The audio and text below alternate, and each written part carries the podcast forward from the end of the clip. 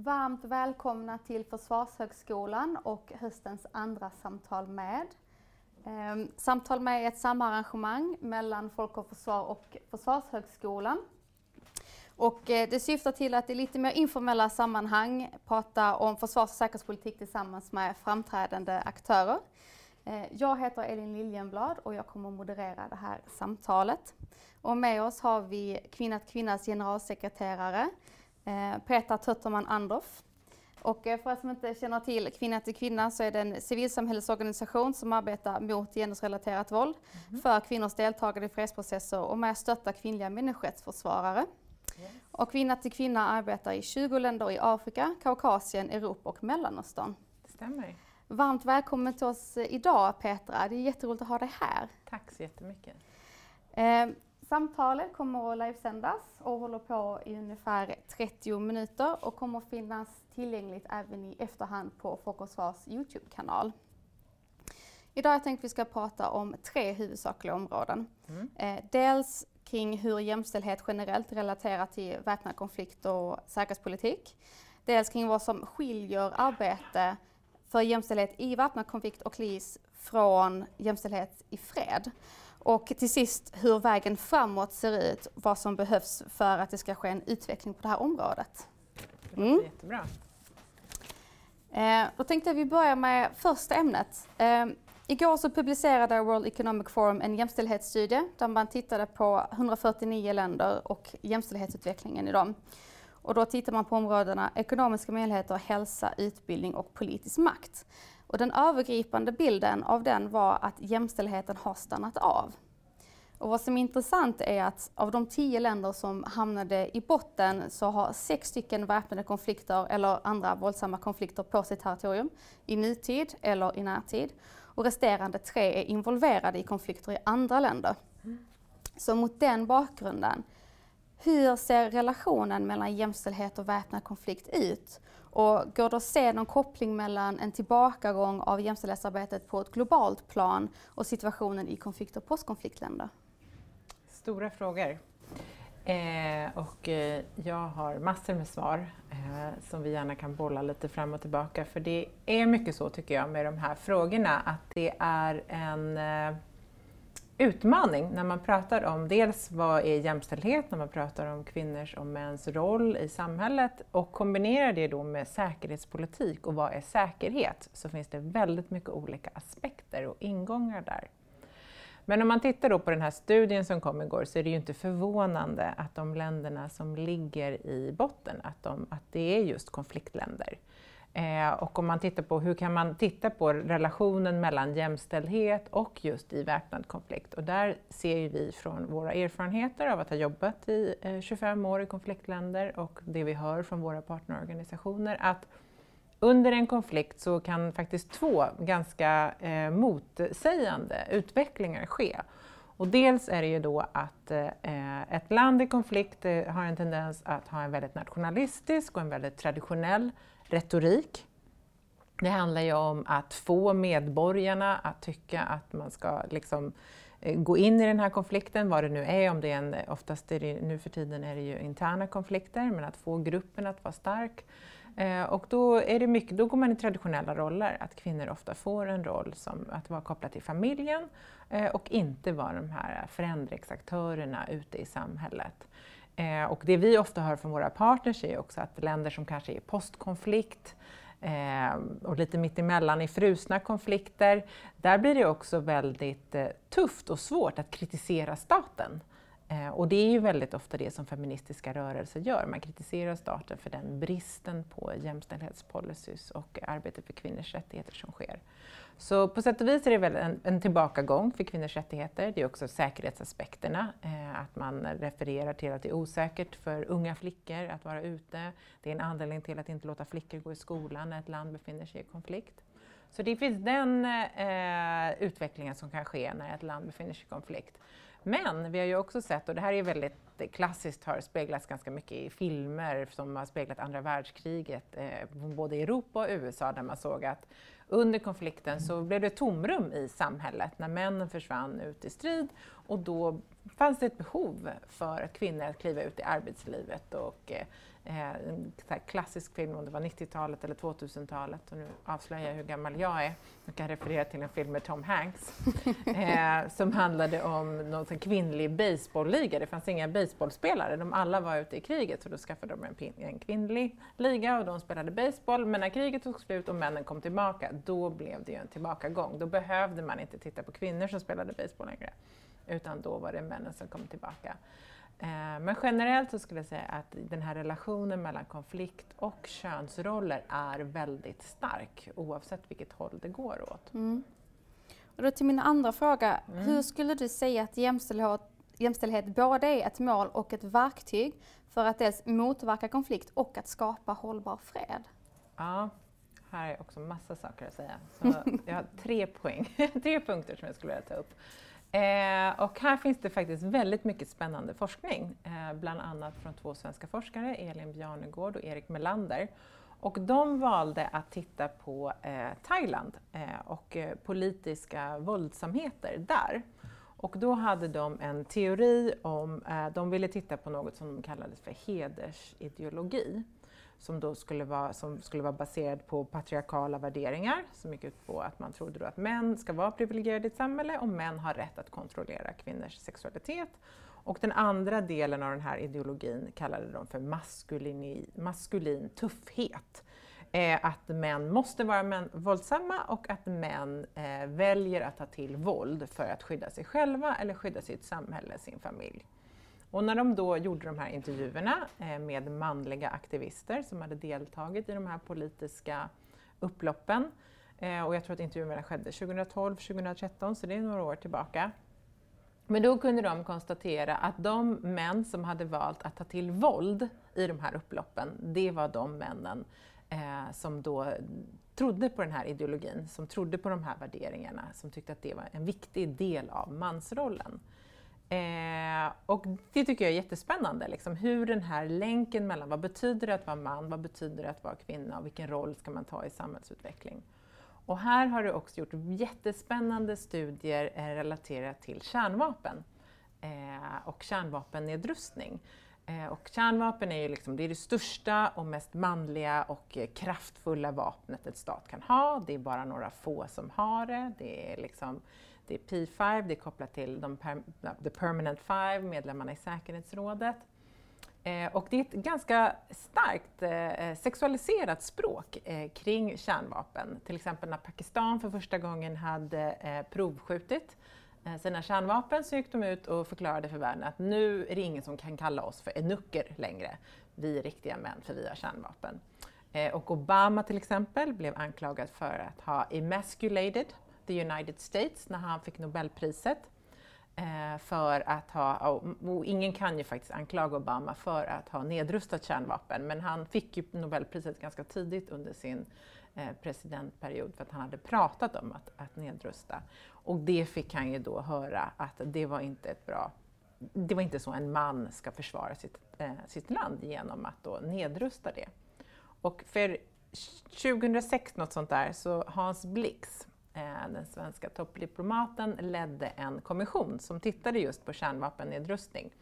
Och här måste jag läsa innantill, det är ett av mina absoluta favoritcitat när det handlar om jämställdhet eh, och eh, säkerhetspolitik. För då skriver de i sin rapport, den gick ut på att titta på hur världen skulle nedrusta. Och då skriver de att “Women have rightly observed that the armament policies and the use of armed force have often been influenced by misguided ideas about masculinity and strength. An understanding of and a move away from this traditional perspective might help to remove some of the hurdles on the way on the road towards disarmament and non-proliferation. Eh, och det var ju, när det kom var en väldigt stor sak att den här eh, kärnvapennedrustningskommissionen faktiskt pratade om maskulinitet och normer. Och den tredje punkten jag har eh, på den här frågan relaterar såklart till kvinnor i fredsprocesser. Och här säger forskningen lite olika, det har varit lite för lite forskning för att om man, kan man verkligen bevisa att kvinnors närvaro i en fredsprocess kommer att leda till eh, mer hållbar fred.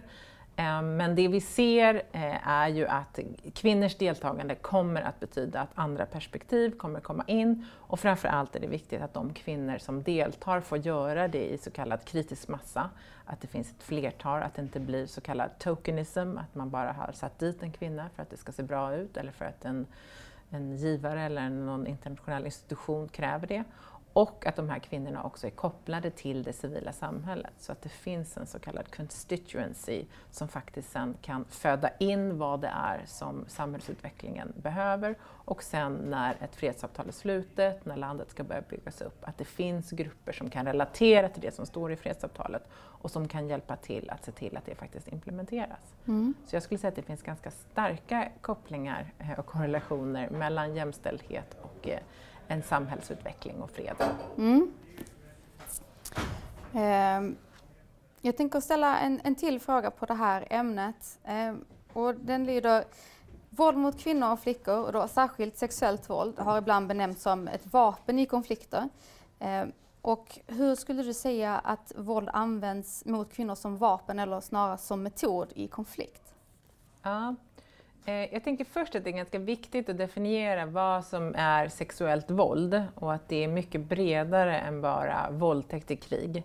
Eh, och det är den definitionen som vi på Kvinna till Kvinna använder när vi pratar om sexuellt våld i konflikt och i krig och även som FN använder. Så då inkluderas även påtvingad prostitution, påtvingade graviditeter, påtvingad sterilisering, sexuellt slaveri, eh, trafficking och barnäktenskap. Så vi har en ganska bred definition och det är vi verkligen inte ensamma om. Eh, men jag skulle säga att det är ett väldigt eh, effektivt vapen eh, för att slå sönder samhällen och det vittnar ju inte bara otaliga internationella rapporter om utan det är ju det vi hör ifrån kvinnorättsaktivister och kvinnor som har utsatts för sexuellt våld i en brett antal konflikter.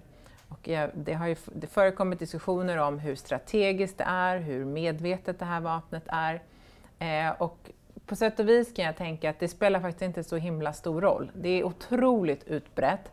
Det är ett vapen som används för att slå sönder eh, samhällen. Det är väldigt effektivt i, eh, när det används där och då, men det är också väldigt effektivt för att förstöra samhällena lång tid framöver.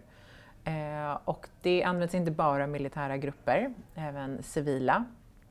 När våldsnivåerna går upp i ett samhälle under en konflikt Eh, när straffriheten är nästan total, eh, så ser vi att våldsnivåerna går upp och då sexuellt våld ökar också. Eh, och jag träffade eh, Dr Mukwege som ju nu precis har fått Nobelpriset i somras i Almedalen och då pratade han ganska mycket om hur just i stora delar av Kongo nu så är det inte militära grupper liksom som slåss om landområden utan att de ser att allt mer i landet så är det eh, kriminella eh, ja, kriminella gäng eller kriminella grupper eh, som använder det som ett väldigt effektivt sätt att till exempel i ett landområde som har mycket naturresurser eh, så kan man ganska effektivt tömma en by eller tömma en hel, eh, ett, ja, ett helt område på folk genom att använda sexuellt eh, våld. Eh, och, ja, jag tror att vi alla känner till hur det, liksom, det sker inför familjen eh, och det sker inför ja, vänner och barn och etc. etc. Det är extremt destruktivt. Mm. Jag tänkte vi går över till det andra ämnet eh, mm. för idag eh, och lite mer kring hur ni jobbar. Eh, Kvinna till kvinna arbetar ju med kvinnor i, i, över 20 länder som lever i konflikt eller postkonflikt. Eh, och vad skulle du säga skiljer jämställdhetsarbete i väpnad konflikt eller postkonflikt från jämställdhetsarbete i fred? Var går de stora skiljelinjerna? Eh, ja, alltså det är ju självklart lättare att arbeta för jämställdhet i ett land i fred. Då kan du jobba mycket mer förebyggande, eh, du kan jobba långsiktigt med förändringar kring attityder, förändringar kring hur lagstiftning ser ut etc. Eh, Medan arbetet då i en konflikt kanske i alla fall i ett initialt skede får en mer karaktären av lite mer humanitärt. Och det här har vi sett eh, på ganska många ställen där vi är också. Eh, sommaren 2014 var en sån sommar där det hände saker lite på, på, flera ställen där vi har stödjer kvinnorättsorganisationer. Eh, och då var det bland annat i norra Irak eh, där vi då såg eh, efter det som hände i Syrien och flyktingströmmar började komma Eh, och då hade, stöttade vi kvinnoorganisationer i norra Irak, i Kurdistan, eh, att jobba mer långsiktigt med attitydförändringar och normer.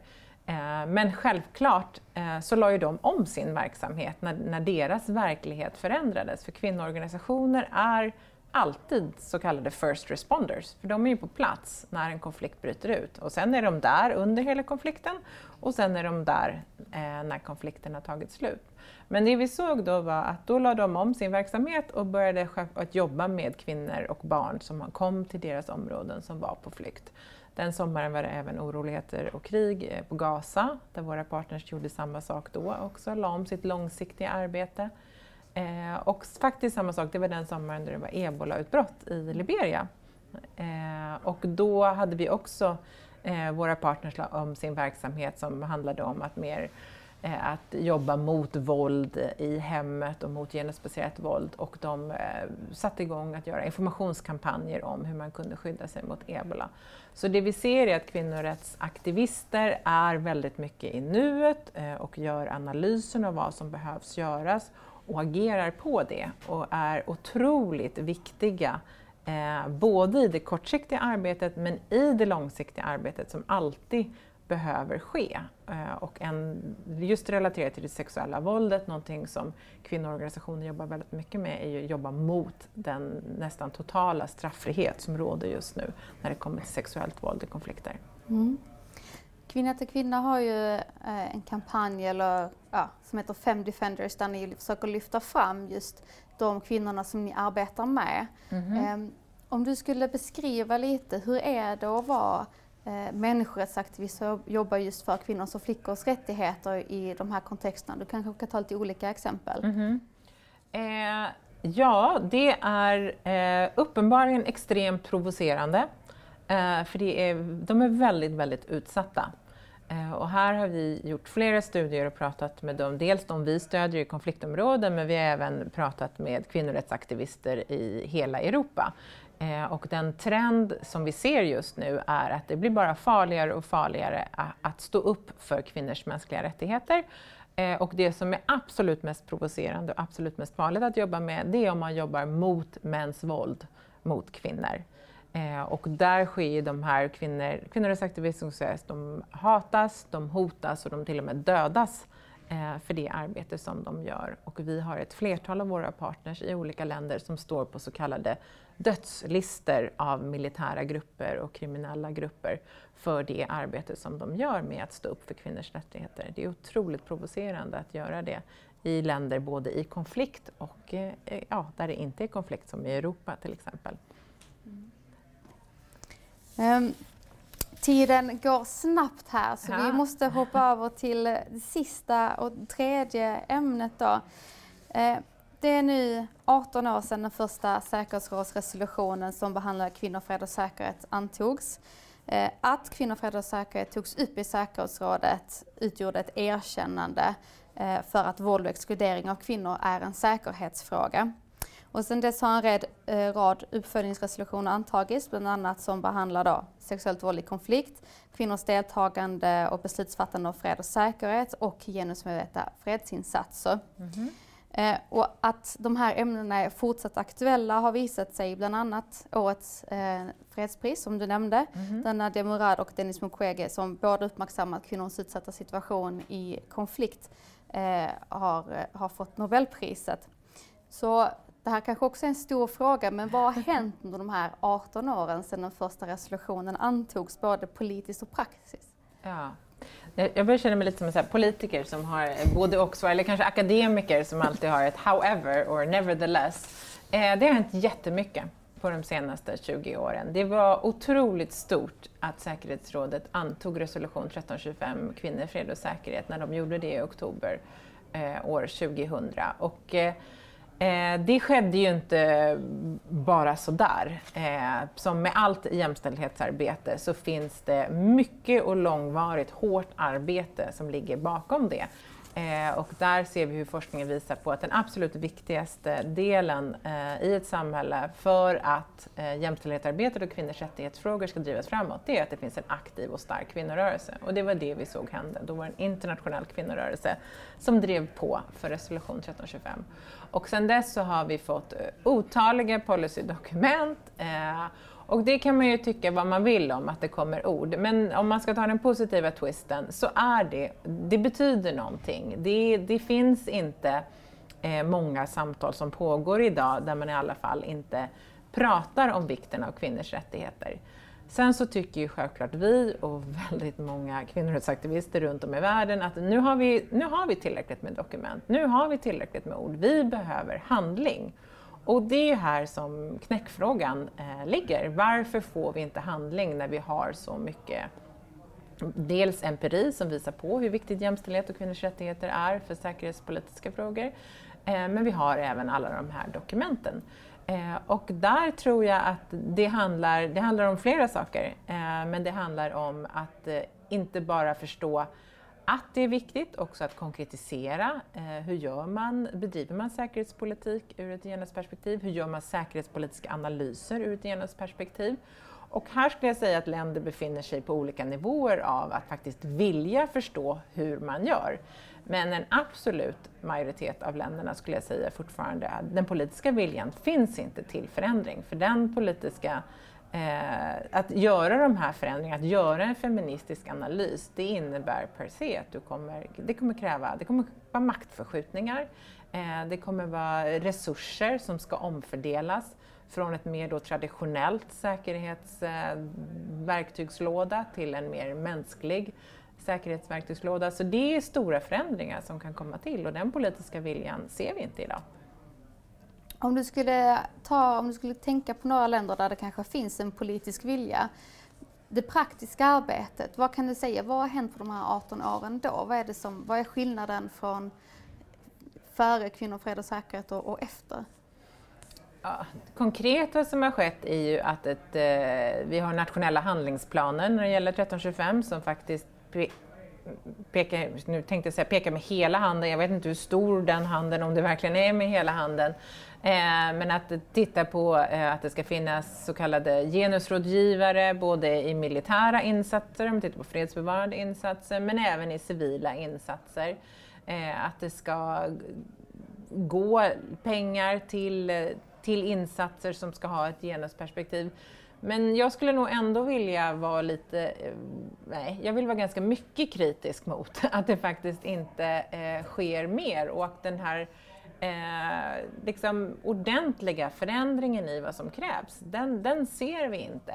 Och här tycker jag att det är mm, kvinnorättsaktivister, eh, som jag sa precis, de är first responders, de är där under hela konflikten, de är där efteråt. Den analys som de gör, den är otroligt viktig, men det är otroligt sällan som den analysen kommer upp på den nivån så att det faktiskt är någon som agerar på det.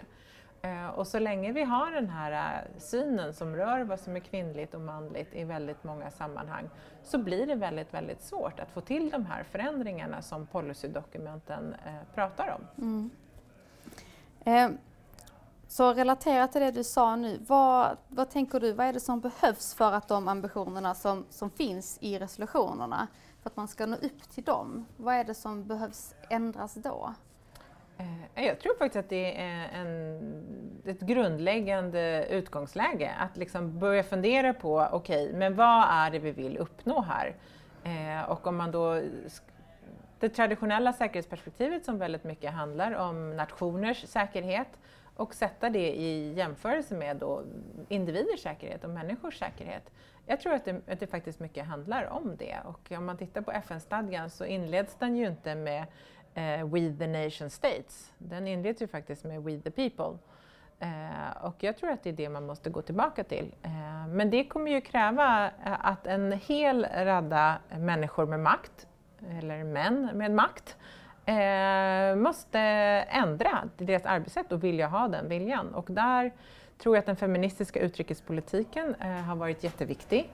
Eh, att, eh, att sätta liksom en, någon sorts eh, ja, bottom line, eller vad man ska säga, på vad man faktiskt kan göra. Eh, och sen skulle den feministiska utrikespolitiken kunna gå mycket, mycket längre, men det är ett första steg och det är inte, det är inte någon som tycker att det är konstigt längre att sätta de två orden ihop. Eller det finns säkert jättemånga som tycker att det är konstigt, men det, det höjs inte på ögonbrynen och jag, vi har hört utrikesminister Margot Wallström säga ett flertal gånger att under de första åren så fnissades det så fort man sa feministisk utrikespolitik och den attityden eh, förändrades under åren. Och det har även vi sett på Kvinna till kvinna i relation, som sagt vi finns i 20 länder och har Eh, när vi har dialog med diplomater eh, i, de, i de olika programländer där vi befinner oss så har vi sett att det finns en otroligt mycket större intresse och en genuin vilja att förstå hur man kan implementera ett genusperspektiv. Så det handlar väl om, precis som våra partners jobbar i sina samhällen med attitydförändringar eh, och en förståelse för varför de här frågorna är viktiga. Så det är väl exakt samma sak som behöver ske Eh, i så kallade givarländer och i medlemsstaterna i FN, de som sitter och bestämmer över frågor som rör internationell fred och säkerhet. Men Du kopplar alltså den attitydförändringen som har skett hos, hos de här statsföreträdarna tycker du att den går att koppla direkt till hur Sverige har valt att uttrycka sig i internationella forum, just att man har en feministisk utrikespolitik? Eh, absolut. Mm. Eh, I vår dialog med olika ambassader runt om, eh, eftersom de vet att vi kommer från Sverige, mm. Eh, så kommer ju det väldigt ofta upp. Så det skulle jag säga absolut. Och man kan ju tycka då att att ord är bara ord, ord är inte handling. Men när det kommer till säkerhetspolitik så skulle jag verkligen vilja hävda att genom att uttrycka att vi har en feministisk utrikespolitik så är det ett väldigt viktigt agerande. Och det är någon, en feedback som vi har fått från våra partners runt om i landet också, att det betyder så otroligt mycket för dem att det finns i ett land, ett litet land i norra delen av världen, så finns det en utrikesminister som är kvinna och hon säger att hon är feminist och hon vill bedriva en feministisk utrikespolitik. Eh, och för några år sedan när det stormade ganska mycket kring utrikesministern kring det med Saudiarabien så träffade jag ett stort antal av våra partners i New York under eh, CSW, Commission on the Status of Women. Och då hälsade de oss och den ansvariga minister som var med och ledde den här svenska delegationen att you tell your foreign minister that there are millions of women human rights defenders standing behind her and do not let our patriarchal powers scare her. They try to do that with us all the time. Och det var så otroligt, dels är det rörande men det är också så himla starkt för det är det det handlar om. Det är det våra partners utsätts för när de hatas och hotas och till och med dödas. Det är de patriarkala krafterna i deras länder som vill trycka ner dem, som är rädda för den förändring eh, som deras arbete för kvinnors rättigheter skulle, skulle kunna innebära. Och om vi har tid så får jag, kan jag få ta ett till av mina favoritcitat. Det är verkligen hemskt att mina favoritcitat är av olika män. Eh, men den här var en artikel i DN i eh, påskas tror jag det var och då var det Steve Bannon, som jag tror att vi alla vet vem den här mannen är. Men han var väldigt orolig för Times Up som är en rättviserörelse som är initierad av Hollywood som handlar om att kämpa för mer jämställda arbetsplatser. Och då säger han i den här intervjun att han är väldigt orolig för den och han liknar den vid franska revolutionen. En radikal omstrukturering av samhället med patriarkatets upphörande som mål. Patriarkatet som har styrt i 5000 år så framgångsrikt. Eh, och det både gladde mig och oroade mig att jag och eh, feminister över hela världen gör samma analys som Steve Bannon. Eh, för vi ser också att en, den feministisk analys på säkerhetspolitik och på samhällsutveckling, ja, det kommer att förändra saker och ting. Eh, så han har helt rätt i det, att han borde verkligen oroa sig för det när han sitter där i sin jättenationalistiska, traditionella stol och liksom vill förändra världen på sitt sätt. Eh, så att eh, jag tror att det här är, för våra, för våra partners är det här på liv och död. Eh, och den backlash som vi ser mot kvinnors rättigheter som faktiskt inte bara är i konfliktdrabbade områden eller i diktaturer och auktoritära stater. Vi ser den över hela världen. Den, den är på riktigt och den är på allvar och eh, jämställdhet kan vi inte ta för givet någonsin. Det är någonting man måste försvara varje dag och kvinnors rättigheter eh, måste man försvara varje dag. Och det är vi jätteglada på Kvinna till kvinna att vi har en möjlighet att få göra eh, med över 120 fantastiskt modiga eh, kvinnorättsorganisationer i konfliktdrabbade områden. Tack så hemskt mycket. Stort tack till dig tack. för att du tog dig tid. Absolut. Petra Tötterman Andorf, generalsekreterare på Kvinna till Kvinna. Och stort tack till er som har följt oss på webben och med det avslutar vi dagens samtal med.